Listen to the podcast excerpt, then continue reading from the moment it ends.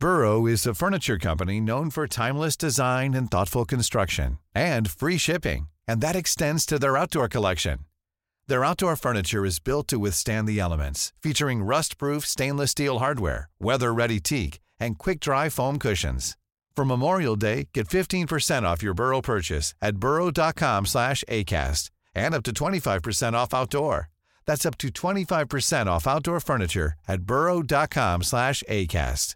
I'm Sandra, and I'm just the professional your small business was looking for. But you didn't hire me because you didn't use LinkedIn jobs. LinkedIn has professionals you can't find anywhere else, including those who aren't actively looking for a new job but might be open to the perfect role, like me. In a given month, over 70% of LinkedIn users don't visit other leading job sites. So if you're not looking on LinkedIn, you'll miss out on great candidates like Sandra. Start hiring professionals like a professional. Post your free job on linkedin.com/people today. Millions of people have lost weight with personalized plans from Noom, like Evan, who can't stand salads and still lost 50 pounds. Salads, generally, for most people, are the easy button, right? For me, that wasn't an option. I never really was a salad guy. That's just not who I am. But Noom worked for me. Get your personalized plan today at Noom.com. Real Noom user compensated to provide their story. In four weeks, the typical Noom user can expect to lose one to two pounds per week. Individual results may vary. Helt siden de første menneskene slo seg ned i Trøndelag, har det blitt observert underlige lys over Hessdalen. Fenomenet har blitt forsøkt bortforklart som syner sett av bygdetullinger og deliriske hallusinasjoner forårsaket av den lokale drikkekulturen. Men det skulle vise seg at fenomenet stakk langt dypere, når Hessdalen-fenomenet fikk verdensomspennende oppmerksomhet i ufo-miljøet på 1980-tallet. Fenomenet er fremdeles der, og det er fremdeles like uforklarlig som den gang. I 2024 kommer en podkastserie i seks deler, produsert av Project Hessdalen, som kanskje en gang for alle skal finne svar på hva som rører seg på himmelen i denne bortgjemte dalen i Trøndelag. Serien har som seg hør og bør fått tittelen A Blaze in the Northern Sky, og den kommer til din favorittpodkastavspiller i 2024.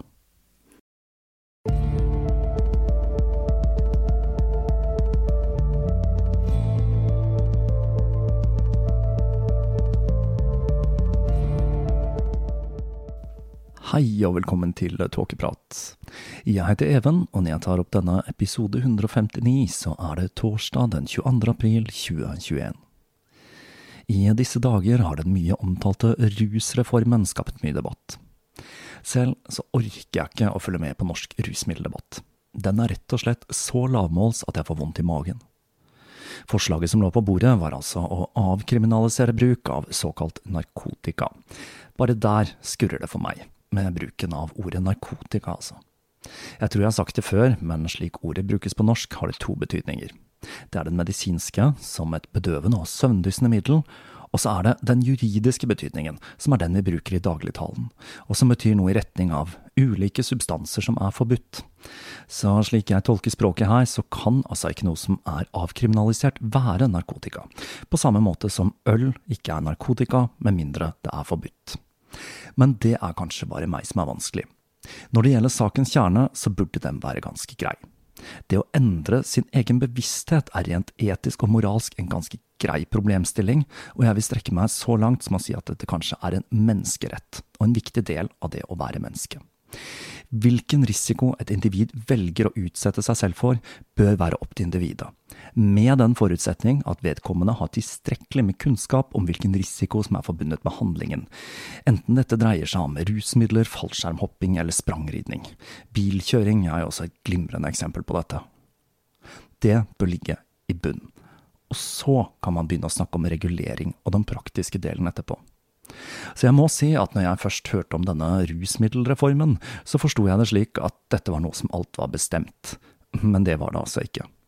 Vi står fremdeles på stedet hvil i en skyttergravskrig som er blitt ført på tvers av vitenskap, moral og etikk.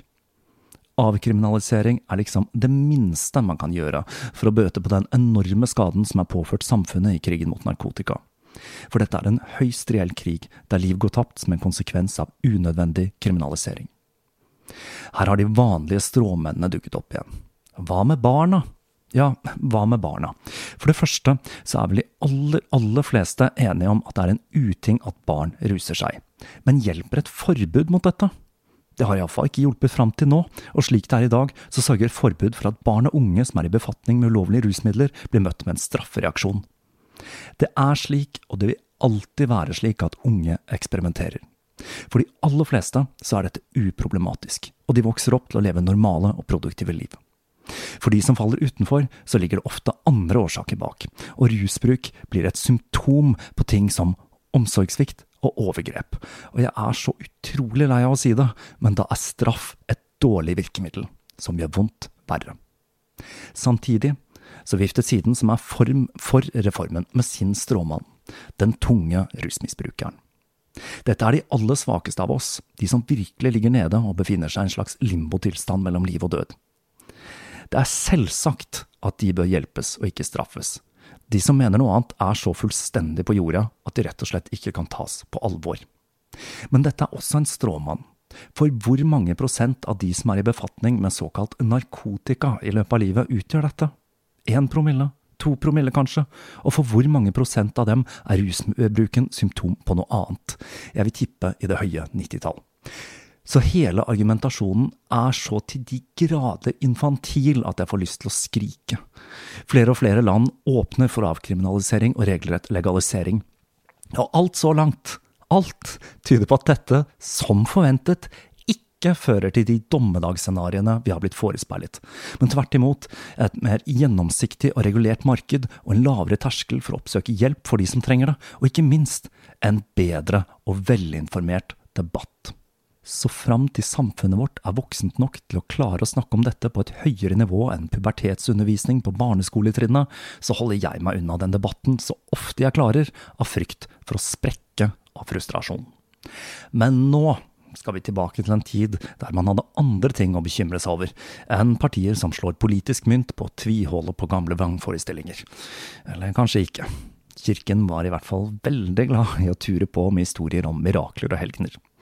Og det skal vi se litt nærmere på nå, når vi skal stifte nærmere bekjentskap med Katarina Asiena.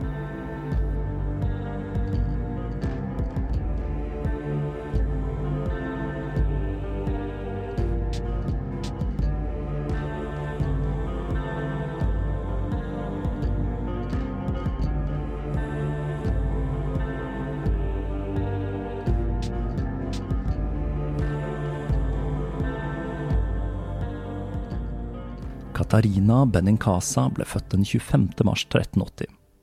Hun var det 24. av totalt 25 barn til Locopo di Benincasa, som var en rik klesfarger fra Siena.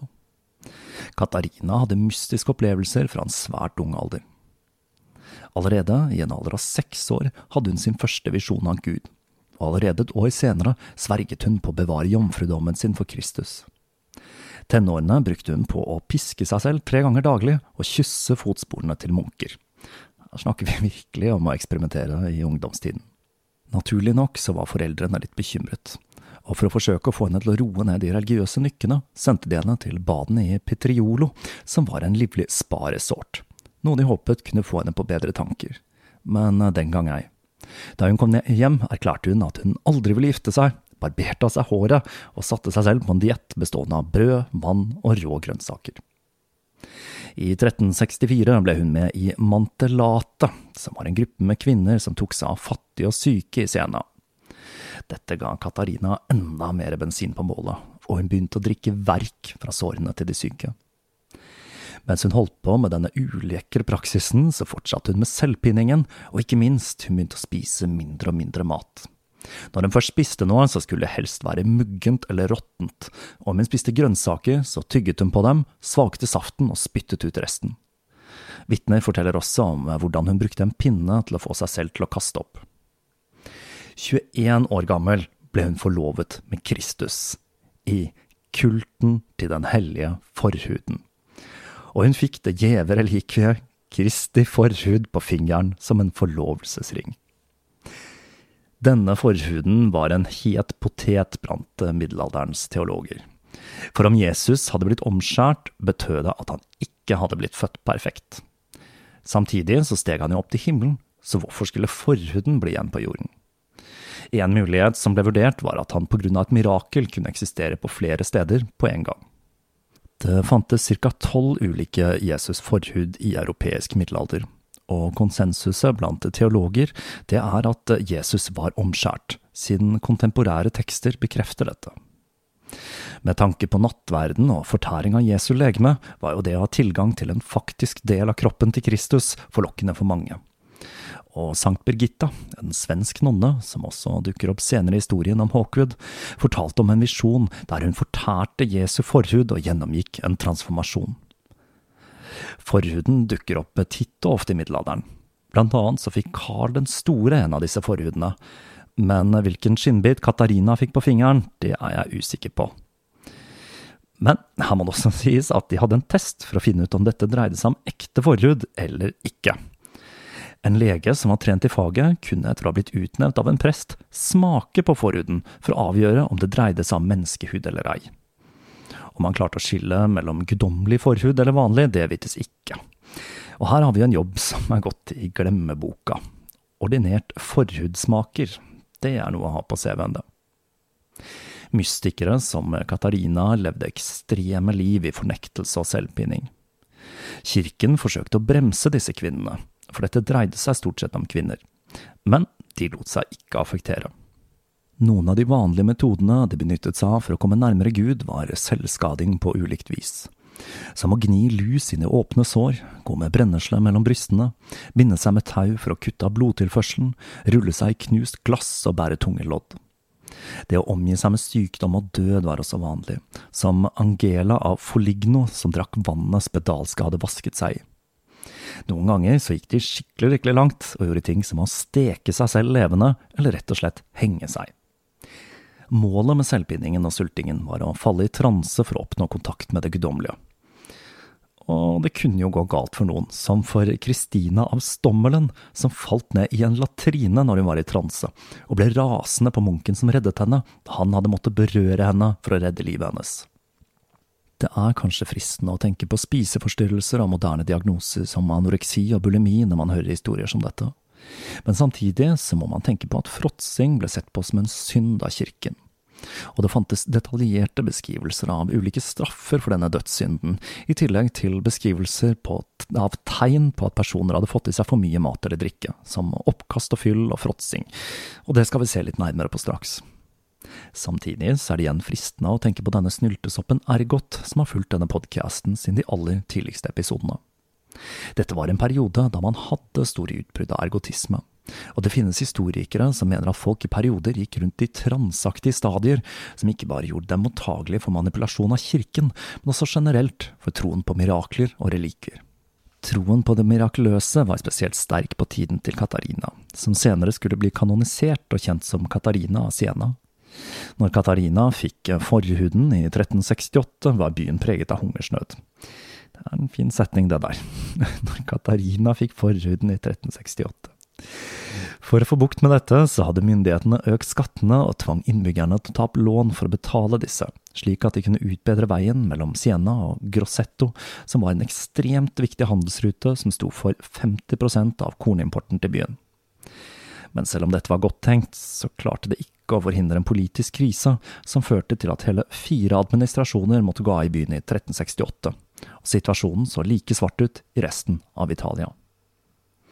De frie kompaniene herjet i Toskana, til tross for at den romerske keiseren, Karl 4., hadde dundret over Alpene med en svær hær for å forsøke å få has på dem. Hæren hans hadde nemlig gått tom for penger, og enden på visa var at keiseren måtte pantsette kronen sin for å ha råd til å dra hjem igjen med halen mellom beina. Og utrolig nok, livet til Katarina av Siena og vår mann John Hawkwood skulle bli sammenvevet av skjebnegudinnene.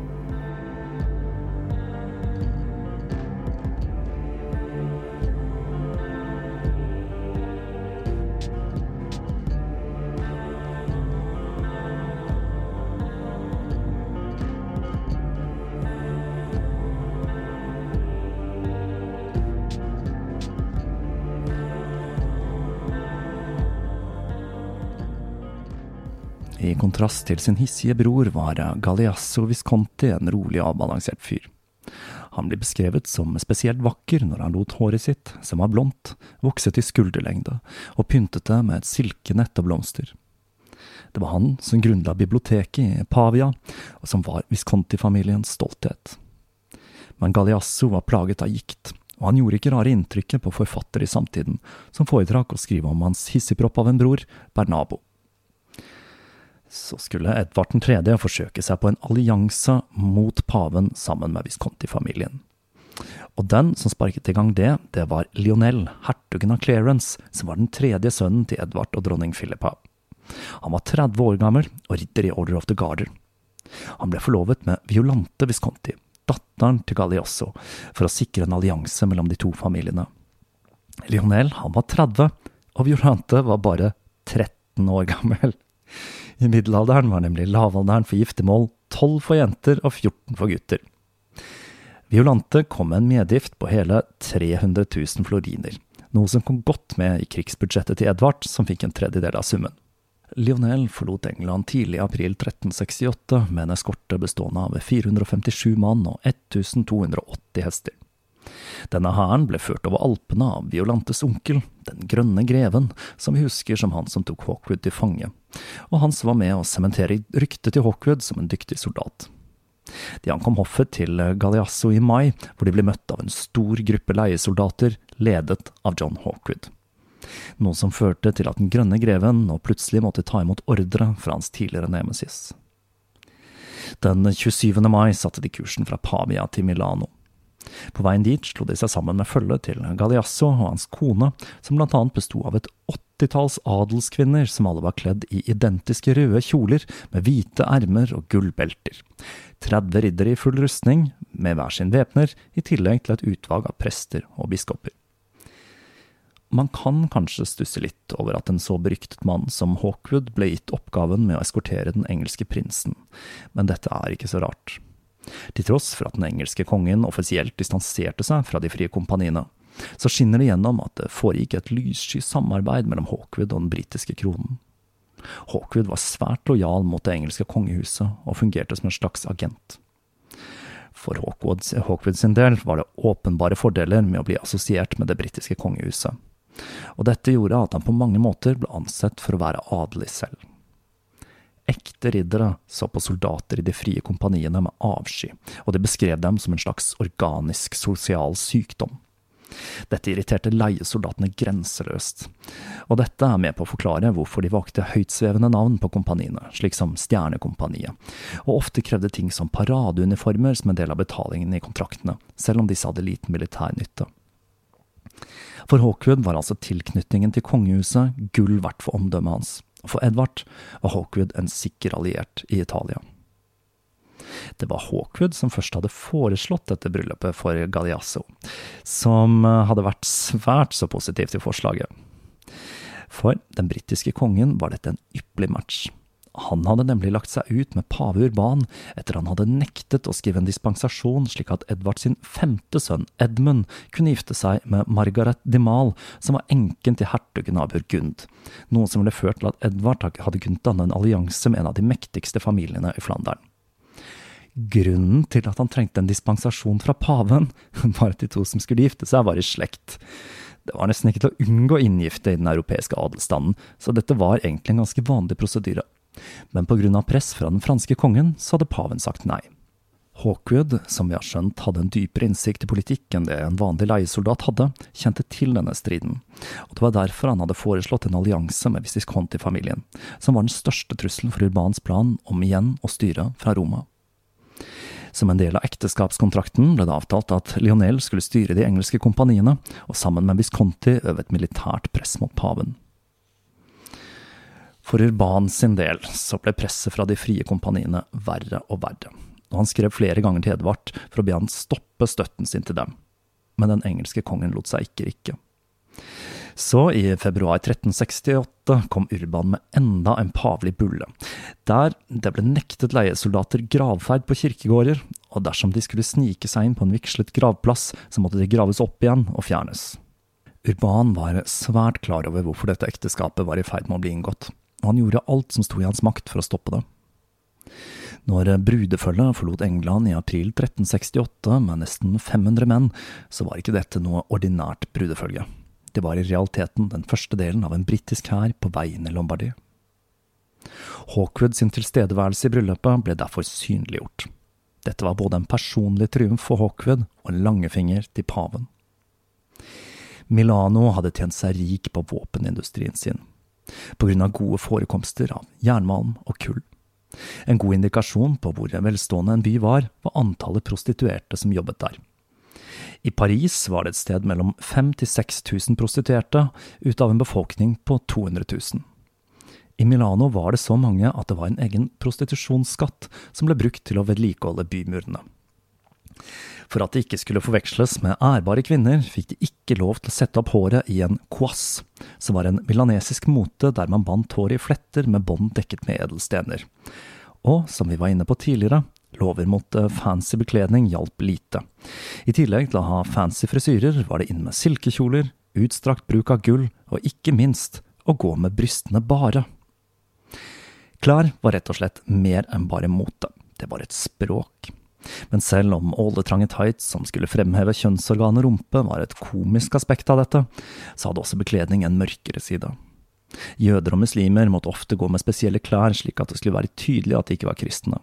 For jødene var dette en gul sirkel av filt.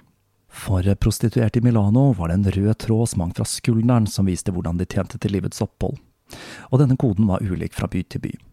Jeg tror min personlige favoritt må være Firenze-varianten, der prostituerte måtte gå med hansker og en liten bjelle på hatten. Bryllupet til Lionel og Violante var en storslagen affære, der over 100 gjester var bosatt til en horde av tilskuere. Her var alle som var noe samlet, alle som hadde noe å si i Milanos politiske, kulturelle og religiøse liv, og midt iblant dem var den 13-årige bruden som denne dagen spilte en svært viktig strategisk og politisk rolle ved å forene det britiske kongehuset med den mektigste familien i Nord-Italia. Der vi har sett hvordan hungersnød og sult var en viktig faktor i denne perioden, skal vi nå se litt på det motsatte, hvordan fråtsing og overdådig luksus spilte en viktig rolle for å vise fram makt og velstand.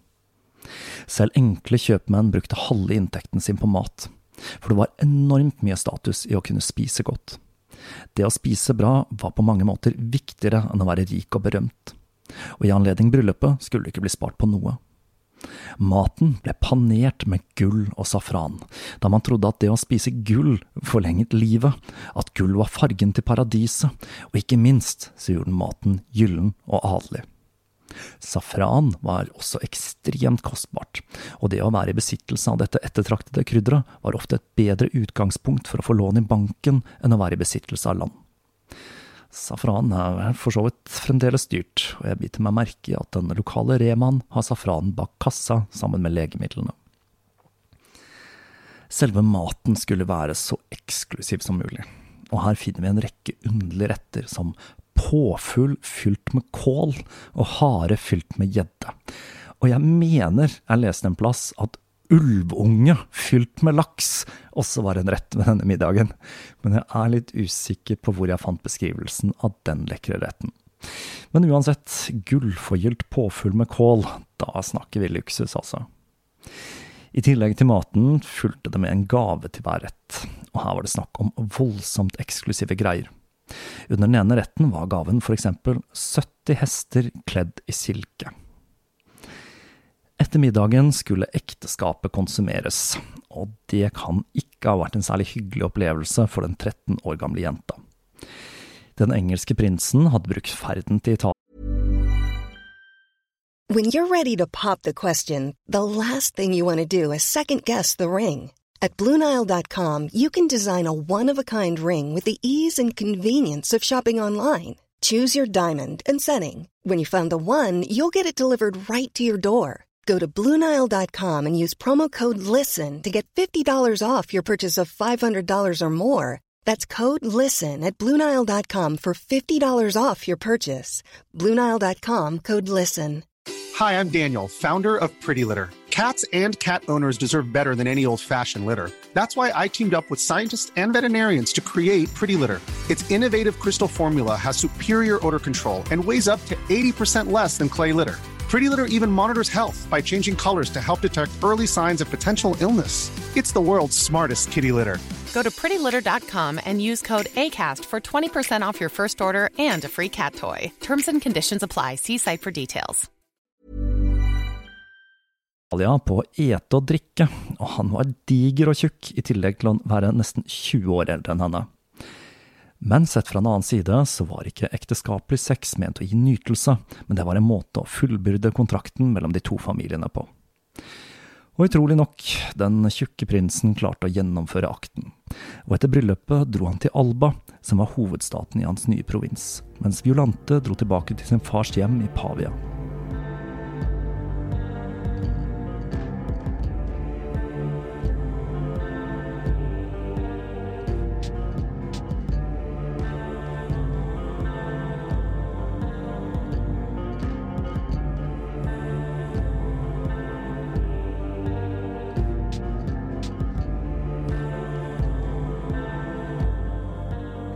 Dette ekteskapet skulle, heldigvis for Violante, må vi vel kunne si, ikke vare spesielt lenge. For Lionel han avgikk med døden kun fire måneder senere, ved å spise seg i hjel. Men til tross for at det mest sannsynlig var overspising og enorme mengder drikke som gjorde at Lionel avgikk med døden, begynte engelskmennene å beskylde Visconti-familien for giftdrap. De hadde tross alt en historie med den slags. For eksempel så husker vi at tanten til Galeasso hadde forgiftet mannen sin. Dette var noe som skjedde etter en orgie hun hadde vært med på på en elvebåt, sammen med nevøen, som var en av hennes mange elskere. Dette ryktet gjorde at engelskmennene nektet å gi tilbake områdene som hadde blitt gitt i medgift. Og det flokket seg raskt til flere britiske leiesoldater som var klare for å ta opp kampen mot Visconti-familien. Edvard 3. godkjente alt dette, men han var villig til å overgi områdene dersom det ble bevist at sønnen ikke hadde blitt forgiftet, og ikke minst at Violante var blitt gravid. Hawkwood var ikke med på denne konflikten. Han hadde nemlig blitt tatt til fange når han på oppdrag fra Bernabo hadde vært i kamp med pavens soldater lenger sør i Arezzo. Uten Hawkwood så red de engelske leiesoldatene ut mot Galeasso i november 1368, noe som skulle føre til et ydmykende nederlag for italieneren, som så seg nødt til å undertegne en våpenhvile. Det skulle vise seg at Violante ikke var blitt gravid etter bryllupsnatten. Og med det så Galeasso seg nødt til å selge landområdene til markien av Monferrato i oktober 1369. Det var virkelig ingen grunn for Galeasso å myrde Lionel. Hans død var en katastrofe for Visconti-familien. Med prinsens død ble båndene til England, og med det til leiesoldatene, brutt. For Hawkwood var dette også et nederlag. Han hadde hatt ansvaret for å sette sammen livguiden til Lionel, og hans dødsfall så ikke bra ut på CV-en. Hawkwood hadde ingen grunn til å tvile på Gadiassos uskyld, og etter han hadde klart å skrape sammen penger til å betale løsepengene for sin egen frifinnelse, dro han tilbake til Visconti-familiens tjeneste. Det er jo én åpenbar mulighet for giftdrap her, for det var en som hadde motiv, og det er paven. Hoffet til Lionel fikk jevnlig besøk av sendebud fra paven i månedene etter bryllupet, og med hans død var alliansen mellom to av pavens verste fiender brutt. Men det er noe vi aldri vil få svar på, om det da ikke finnes noen dokumenter som kan bekrefte dette i kjelleren til Vatikanet. Violante var nok lettet når ektemannen døde, og hun skulle leve sammen med sin mor de neste ni årene, før hun igjen ble giftet bort. Og denne gangen til en enda verre mann. Eller gutt, må jeg vel si, for han var betraktelig yngre enn den da 22 år gamle Violante bare 15 år gammel, giftet Secondotto Monferrato seg med jenta. Problemet med denne fyren var at han ble seksuelt opphisset av å kvele tjenerne sine. Det ekteskapet skulle heller ikke vare spesielt lenge, da Secondotto ble drept av sine egne soldater som hadde fått nok, og tok livet av ham mens han holdt på å kvele en tjener. Men Violantes serie med ekteskap skulle ikke ende der. Hun ble giftet bort til enda en tvilsom fyr, fetteren sin, før hun til slutt døde barnløs i en alder av 31 år. Krigen fortsatte å rase. Bernabo Visconti ledet hæren sin fra Lombardia til Toskana og tok den lille byen San Miniato, som var av strategisk verdi da den kontrollerte via Francingena, som var den viktigste handelsveien mellom Italia og resten av Europa. Byen hadde forrådt Firenze i 1368, og dermed stilt seg laglig til for angrep fra Bernabo, Men Firenze ville ikke slippe taket og sendte en hær til byen, hvor de ble møtt av Hawkwood fredag den 30. november. Akkurat når hæren til Firenze skulle til å angripe, ble de forbløffet da styrkene til Hawkwood så ut til å flykte mann av huset, og de satte etter. Men det så bare ut til at det var hæren som flyktet. Hawkwood hadde nemlig engasjert lokale barn og utstyrt dem som soldater, mens den egentlige hæren ventet like ved i et bakholdsangrep. Det er lett å tenke seg at barna, som sikkert syntes det var kult å leke soldater, begynte å løpe i panikk da en faktisk hær angrep dem, og de flyktet for livet langs de sølede breddene til Arno. Og det var det å lokke hæren dit som var Hawkwood sin plan. Den myke bredden gjorde det vanskelig for hestene å ta seg frem, og når den ekte hæren til Hawkwood dukket opp, var det en lett match for styrken hans. Men til tross for den elegante seieren skulle byen falle for Firenze like etter. Begge armeene hadde nemlig dårlig med forsyninger, og når leiesoldatene begynte å gå tomme for mat, begynte de å raide områdene rundt. Men dette ga en liten avkastning, og vinterkulda begynte å sette inn. Noe som førte til at de så seg nødt til å brenne opp det de fant av invitar og møblement for å holde varmen, og krigen ble satt på pause. I juni 1369 skulle Edvard 3. igjen fyre opp til mer krig når han endret Englands våpenskjold til å inkludere det franske. Etter kong Jean sin død i 1364 ble tronen overtatt av Karl 5., som var en langt mer kompetent regent. Carl var sykelig, og håret og neglene hans hadde falt av, noe som kan indikere at noen hadde forsøkt å forgifte han med arsenikk. Han hadde også en personlig tragedie bak seg, da begge hans døtre var blitt ofre for pesten. Men til tross for at han ikke var i stand til å ri på hest eller bruke våpen, så var han svært intelligent, og han skulle få tilnavnet Carl den vise. Carl klarte å drive en del av de frie kompaniene ut av Frankrike. I Burgund ble et stort antall leiesoldater arrestert og henrettet på ulikt vis, enten druknet, hengt eller halshugd og innen høsten 1366 var regionen nesten kvitt de frie kompaniene. Men han hadde ikke klart å knekke dem helt, og med England igjen på krigsstien sluttet mange av dem seg til den engelske hæren. Hawkwood derimot takket nei til å slutte Det hvite kompaniet til det britiske inntoget i Frankrike. Og selv om noen av soldatene hans valgte å kjempe for kongen, så valgte de mest prominente leiesoldatene å forbli i Italia, hvor de allerede hadde fått fotfeste. Hawkwood sin beslutning kan ha blitt styrt av Edvard, som ønsket å kontrollere paven, som historisk hadde vært alliert med Frankrike. For når pave Urban forlot Roma sommeren 1369 og dro til palasset sitt i Monte Fiasson for å slippe unna varmen i byen, fikk han besøk av Det hvite kompaniet, som begynte med den vanlige psykiske krigføringen, og skjøt piler med beskjeder inn i palasset og brente en stråfigur av paven. Urban syntes dette ble litt i overkant mye, og han flyktet til det andre palasset sitt, i nærheten av Viterbro.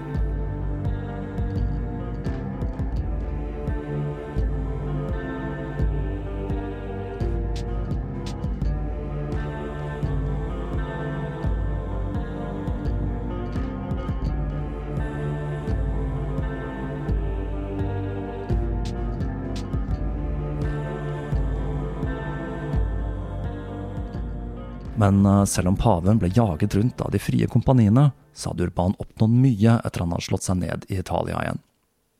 Etter han hadde kommet tilbake, hadde han oppnådd mer på noen få måneder enn legatene hans hadde klart på mange år. Men det at han fremdeles var lojal mot Frankrike, var tungt for mange italienere å svelge. Det var også en torn i øyet at han ikke hadde klart å ta Perugia, som Alborons opprinnelig hadde sikret for han, men som Hawkwood hadde tatt, og som senere hadde blitt overlatt til den romerske keiseren. Keiseren var en støttespiller av paven, men det at han hadde måttet flykte etter det mislykkede felttoget, gjorde at innbyggerne i byen innså at han hadde lite han skulle ha sagt, og med det så allierte de seg med sin tidligere fiende Hawkwood og forsøkte å bli en autonom stat. Dette falt ikke i god jord hos paven, som ekskluderte byen fra alle aspekter av kristent liv og forbød alle kristne å handle med innbyggerne. Han ekskommuniserte like så godt hele byen, med andre ord. Og som ikke det var nok, nok, så startet han et korstog mot Perugia i 1370. Er det én ting jeg tar med meg fra denne serien, så er det at korstog var langt mer enn kun hellig krig mot Jerusalem. Her føres jo korstog i øst og vest som et rent politisk pressmiddel. Perugia svarte på dette med å sende Hawkwood og kompaniet til Witterbro, hvor paven hadde slått seg til i sitt andre palass. De fikk uventet hjelp fra Roma, av alle steder, som hadde sendt soldater fordi de var skeptiske til at paven hadde vært så lenge borte fra byen. Og i tillegg så hadde de hørt at paven hadde planlagt å sende ikke bare hodet til Sankt Peter og Paulus til Avignon, men også Jesus likklede. Så det var ikke så rart at de var sinna, altså.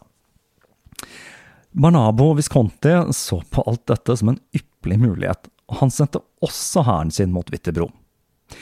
Omringet på alle kanter så Urbanza igjen nødt til å flykte. Denne gangen tilbake til Roma, hvor de franske kardinalene gjorde det de kunne for å overbevise han om å gi opp Italia og dra tilbake til komforten i Avignon.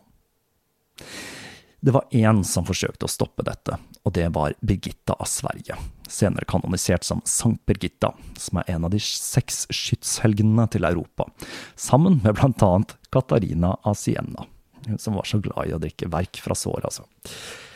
Birgitta advarte paven, og sa at han kom til å dø dersom han forlot Italia. Men det ville ikke paven høre på. Han hadde fått nok av leiesoldater og intriger, og han forlot Roma i hemmelighet den 5. september 1370. Roma var i villrede, og anseelsen av paven var på det absolutt laveste den hadde vært siden århundreskiftet. Og han der Urban, han skulle nok ha hørt på Birgitta, for kun tre måneder etter han kom tilbake til Avignon, så døde han. Og med hans dødsfall var alt arbeidet han og Alborons hadde gjort for å flytte pavesettet tilbake til Roma, ødelagt. Urban skulle være den eneste paven som forsøkte å gjøre noe med de frie kompaniene. Og det var John Hawkwood som hadde sørget for at han feilet og til slutt måtte flykte.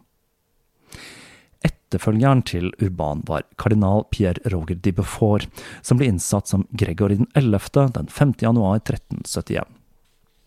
Han var 41 år gammel når han ble innsatt som pave. Og i likhet med den nye franske kongen, så led han også av en uspesifisert sykdom. For Gregoris del innebar dette at han var i konstante smerter. I tillegg så var han en ganske anonym type, og kardinalene hadde følt seg sikre på at dette var en pave som ikke ønsket å flytte tilbake til Roma men der tok de feil. Gregory skulle føre en helt annen og langt blodigere linje i Italia. Der Urban hadde forsøkt å knuse de frie kompaniene, skulle Gregory heller benytte seg av tjenestene deres. Dette var noe som selvsagt passet Hawkwood svært godt, og Gregorys besluttsomhet og ønske om å gjeninnsette pavesettet i Roma en gang for alle skulle føre til en særs voldelig og brutal periode i italiensk historie. Gregory klarte å ta tilbake Perugia, der en sultne og utmattet befolkning ville underkastet seg paven. Men den nye paven hadde flere utfordringer. Urban hadde etterlatt seg et Avignon som var i ferd med å gå nedenom og hjem, både økonomisk og diplomatisk, og skulle Gregory lyktes med å flytte tilbake til Italia, måtte først Avignon gjenreises til sin tidligere storhet. Hawkwood på sin side hadde bestemt seg for at han skulle ta Pisa koste hva det koste ville. Når Giovanni Agnello ble styrtet, hadde Hawkwood mistet sin viktigste strategiske partner i Toskana, og i mai 1371 samlet han en hær med mennesker som var i eksil like utenfor byen. Italia var nemlig full av mennesker som hadde blitt sendt i eksil, for om man havnet på tapernes side i en konflikt som splittet en bystat, så ble man ofte sendt i eksil. Men denne litt brokete hæren Hawkwood hadde samlet, skulle ikke lyktes når de forsøkte å forsere veggene til Pisa den 26. mai og kun en håndfull menn nådde toppen før de ble oppdaget, og Hawkwood så seg nødt til å foreta en strategisk retrett, mens stigene med de hylende angriperne ble dyttet ned fra bymurene, og noen av de ble partert og hengt opp til skrekk og advarsel. For å få litt bedre hjelp enn han klarte å få fra disse omflakkende italienerne i eksil, så slo han seg igjen sammen med Ambrogio Visconti, som vi husker som sønnen til Bernabo. Gregory den 11. hadde rasket i hop en allianse mot Bernabo Visconti, som til stadighet dro på raid mot kirkens områder, og som nektet å underkaste seg paven. Galiasso skulle helst ha holdt seg ute av denne konflikten, men siden kirken ikke skilte mellom de to brødrene, så hadde han ingen annen utvei enn å kaste seg inn i kampen. Han fikk ansvaret for å ta Asti, som ble forsvart av greven av Savoy på direkte ordre fra paven. Asti hadde motstått beleiringer i årevis, og det gikk ikke stort bedre for Galiasso, som så seg nødt til å be sin bror om forsterkninger og i juni ga Bernabo etter og sendte 400 lanser under kommandoen til Hawkwood. Men når Hawkwood ankom, skulle det skje noe som førte til at han skiftet side. Galliassos sønn, som het Ging Galliasso, hadde sin debut på slagmarken i dette slaget. Han var 22 år og ble fulgt av to rådgivere som på oppdrag fra hans mor skulle sørge for at han ikke skadet seg. Når Hawkwood med støtte fra de andre militære kommandantene gikk inn for et direkte angrep på Asti, så nektet rådgiverne til Gengaliasso å gå med på dette av frykt for at gutten skulle komme til skade eller bli tatt til fange. Og det ble for mye for Hawkwood, som var kjent for å kunne være en skikkelig hissepropp. At krigens strategi skulle bestemmes av bekymrede mødre, ble rett og slett for mye for ham, og med det så samlet han hæren sin og fant seg en ny arbeidsgiver. Og det skulle være en som sørget for at eh, krigen gikk i kirkens favør, dronning Johanna av Napoli, som var en støttespiller av paven. Og med Hawkwood på kirkens side erklærte den romerske keiseren at Lombardia ikke lenger tilhørte brødrene, og med det mistet de rettighetene til bystaten i området, noe som førte til opptøyer av flere av bystatene, som Galiasso så seg nødt til å slå ned militært. Så marsjerte Hawkwood mot Visconti, i spissen for en fransk armé under Eguran de Cossi. De møttes i et slag den 7. mai 1373. Etter noen korte trefninger drev King Galliasso Hawkwood sin undertallige hær tilbake. Han hadde altså fått lov av mora si til å kjempe, siden de var overtallige. Hawkwood på sin side hadde følt seg forpliktet til å følge ordrene til Likosi, selv mot dårlige odds, da han var gift med en av døtrene til kongen av England. Men så skulle Hawkwood sin berømte taktiske sans slå til igjen. Han rømte fra slaget med livguiden sin til en høyde i nærheten, og der ventet de til soldatene i hæren til Gingaliosso var opptatt med å fordele bytte fra slaget. Når de var tilstrekkelig distrahert, satte Hawkwood i, gang, et stormangrep som kom så overraskende på forsvarerne at de flyktet mannen av huset. Gingaliasso ville ha blitt tatt til fange, om det ikke var for at soldatene hans beskyttet han og klarte å skaffe til veie en uthvilt hest, så han kunne ri hjem til mamma.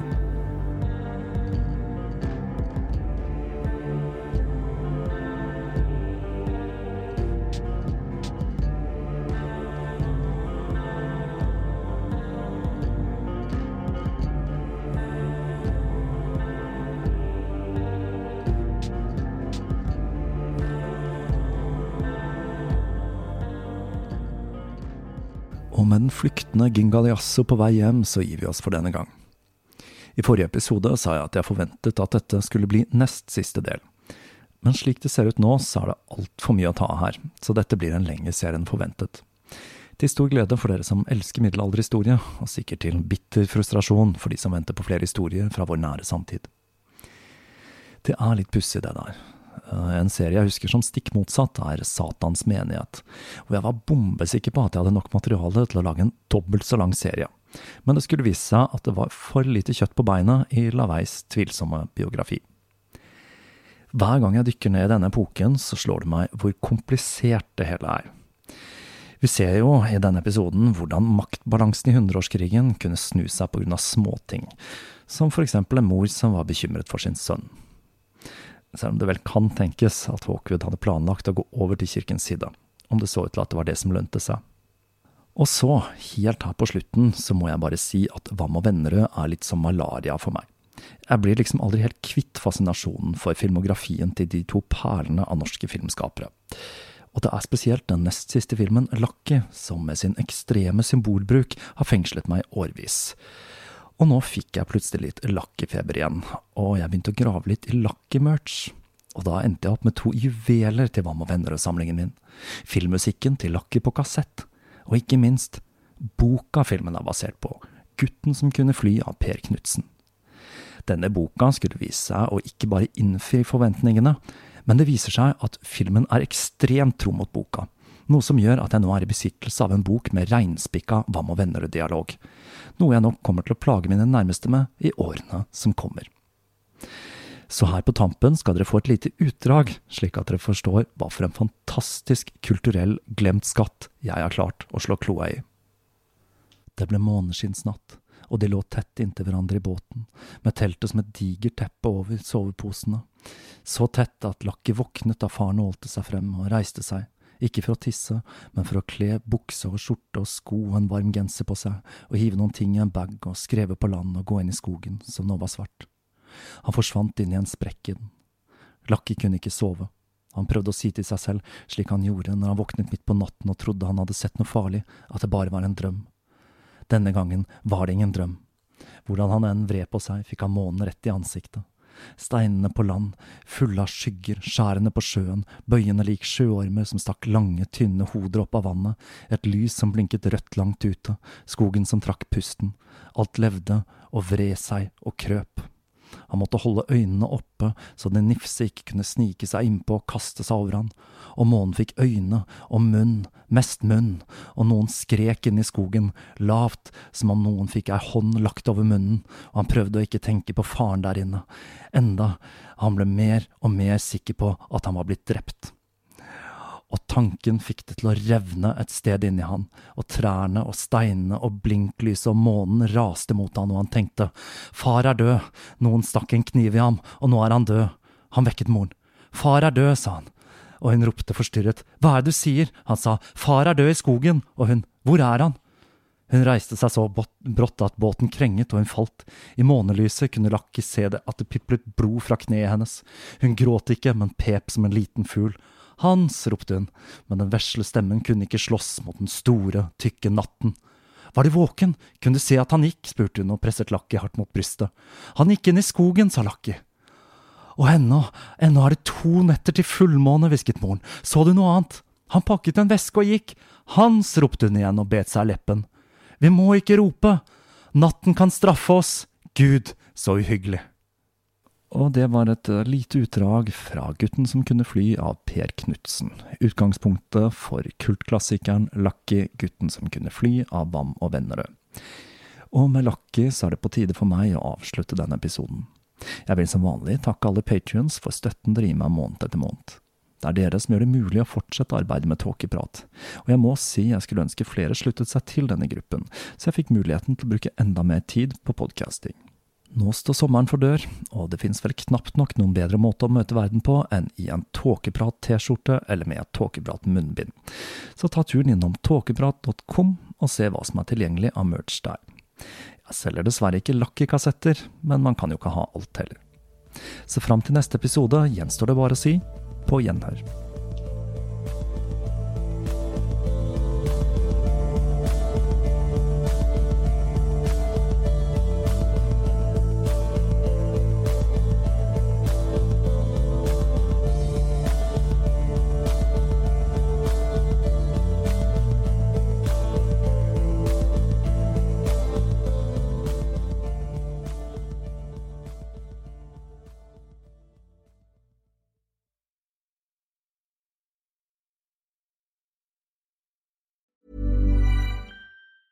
Hey, it's Danny Pellegrino from Everything Iconic.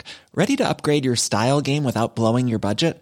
Check out Quince. They've got all the good stuff shirts and polos, activewear, and fine leather goods, all at 50 to 80% less than other high end brands. And the best part? They're all about safe, ethical, and responsible manufacturing.